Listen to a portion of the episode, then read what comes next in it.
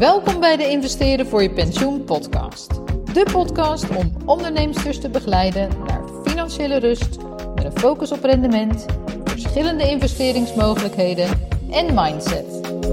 Welkom, welkom in podcast nummer 6. En dit keer gaan we het hebben over een mindshift. hoe je naar geld kunt kijken en ook naar investeringen.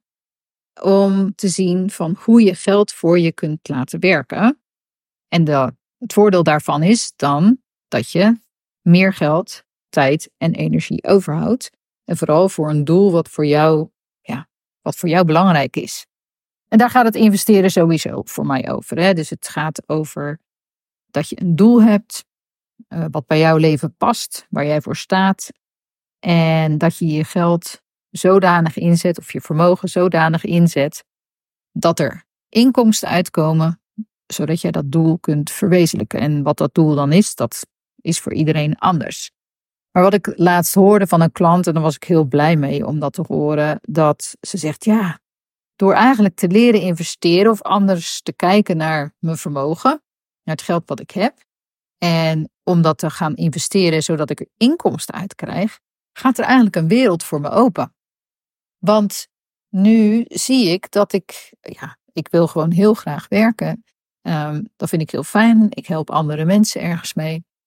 Maar doordat ik dus ook inkomsten krijg uit mijn investeringen, is er enorme druk van mijn schouders gevallen.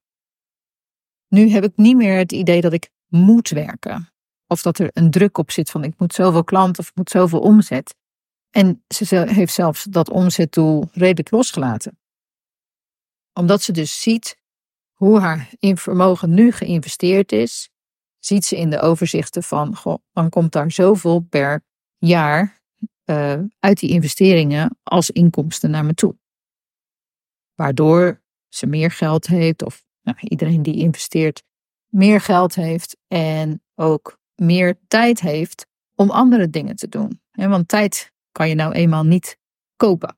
Je kan een heleboel kopen met geld, uh, maar tijd kopen is, uh, is het meest ingewikkelde.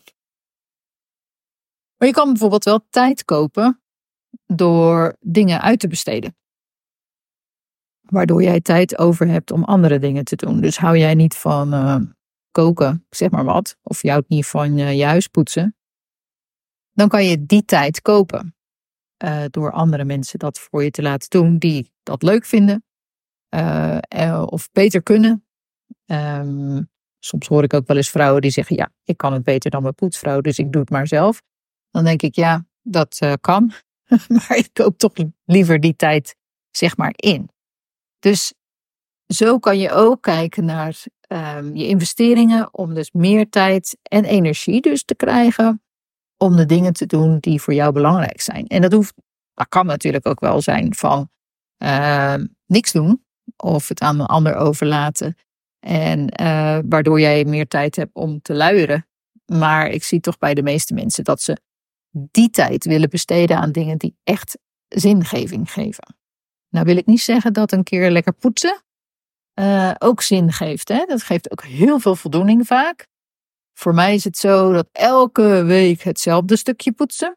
Weer datzelfde in mijn huis. En dat repeterende, uh, ja, dat, dat staat me altijd tegen. En uh, het is echt wel eens leuk om en wat ik al zeg, je neemt even een lekkere borstel of je, je ruimt eens even goed je huis op. Uh, en dat geeft ook heel veel voldoening. Alleen, ja, constant komt dat terug, net als de strijk. Ik vind de strijk doen, uh, ja, vind ik echt heel saai. Sommigen vinden het heerlijk, die staan bij de televisie en die staan lekker te strijken. Um, of ja, half te mediteren. Maar voor mij werkt dat niet zo. Dus die tijd koop ik liever Um, en laat ik liever een ander doen. Um, wat ook natuurlijk leuk is om, om die tijd te kunnen besteden uh, die je kunt kopen. Uh, om ja, met jouw goede doel bezig te zijn. En goede doelen, dat, dat kan op verschillende manieren. Ik heb zelf zoiets met goede doelen. Uh, dat doe ik liever niet zomaar geven. Ik zie eerder een goed doel als een soort van investering doen bij iemand die iets goeds doet. Dat betekent dat ik mijn geld investeer in een project.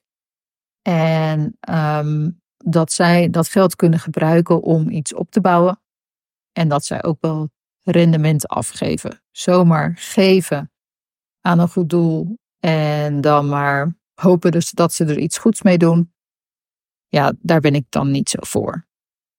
Maar om terug te komen op het feit dat je dus een mindshift maakt uh, naar geld toe. Door te investeren en dat daar dan inkomsten uitkomen. En dat je heel anders naar je leven gaat kijken. En het ook op een bepaalde manier gaat kijken om het anders in te gaan vullen. En ik hoor wel vaak mensen die zeggen zo, ja, nou dan uh, uh, ja, investeren, maar dan hoef je niet meer te werken. Als iedereen dat gaat doen, dan uh, werkt er dadelijk niemand meer. maar dat, dat, dat is natuurlijk niet zo. Of tenminste, dat zou kunnen, maar dat is niet wat ik bedoel. Ehm, want er is nog genoeg te doen. Er is nog genoeg werk te doen. Alleen sommige taken besteed je uit.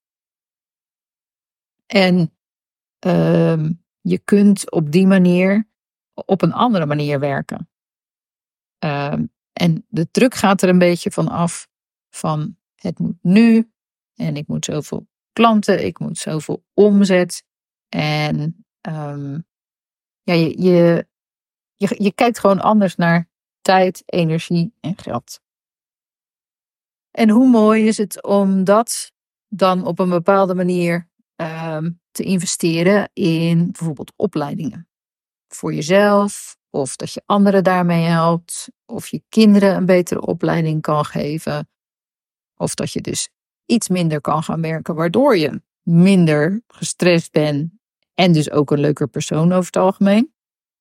Um, want als je natuurlijk moet werken en je moet overwerken en uh, nog eens weg, um, in de file staan en dan ook nog eens allemaal moeten koken en wassen en strijken, ja, dan, uh, ja, dan kan je wat meer gestrest zijn. En het is natuurlijk wel zo dat sommige mensen natuurlijk uh, niet in de omstandigheid zijn dat ze een vermogen hebben.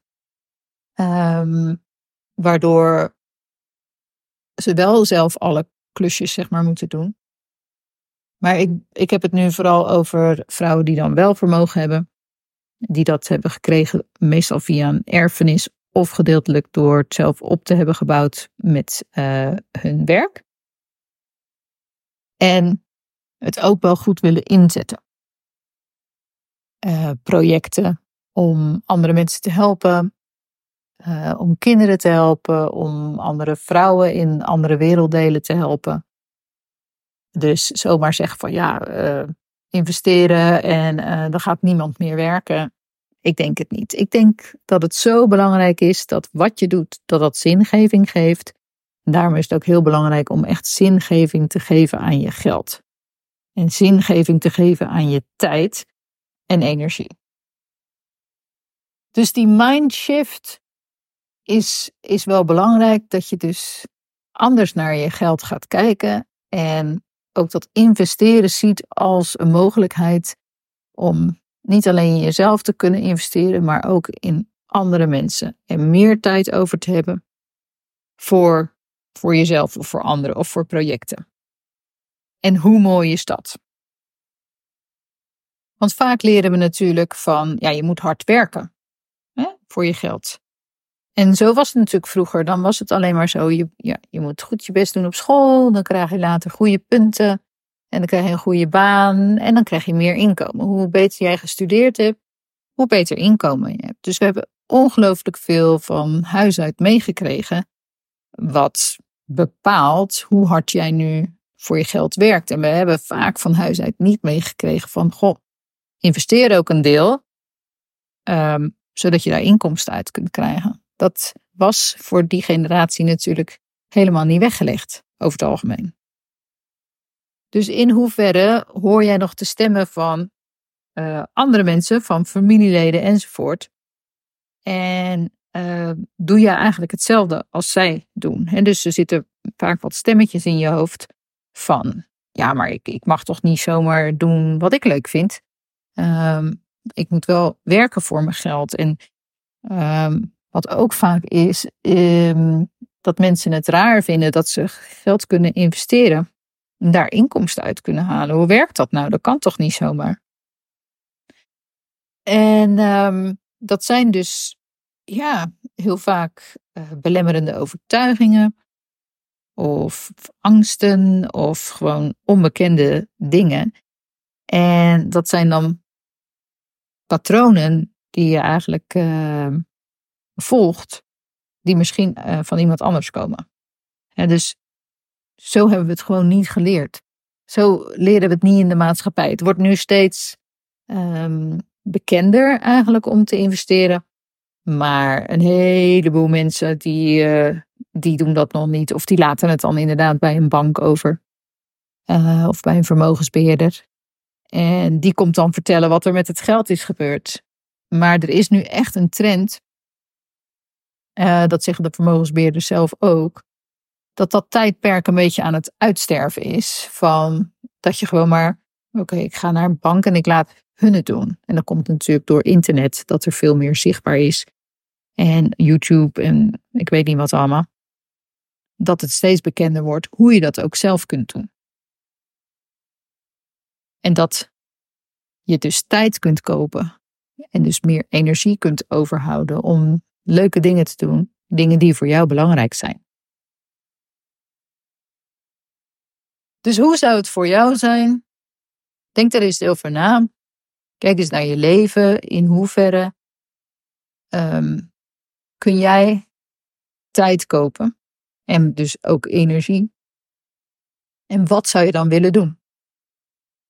En zou je dan misschien anders gaan werken, minder gaan werken, ergens anders gaan werken, als je gedeeltelijk inkomen zou hebben uit je vermogen? Dus daar ben ik eigenlijk wel benieuwd naar. Laat het me weten. Um, stuur me een DM'tje of een uh, e-mail. En als je nog andere vragen hebt, deel ze met me, zodat ik die een andere keer kan bespreken. Tot de volgende keer. Bedankt voor het luisteren naar de Investeren voor je pensioen podcast. Heb je vragen naar aanleiding van deze podcast? Of wil je weten hoe ik jou kan helpen? Ga dan naar mijn website liswijma.be en schrijf je in op mijn inspiratiebrief. Of volg mij op mijn social media kanalen onder mijn naam Liz Wijma.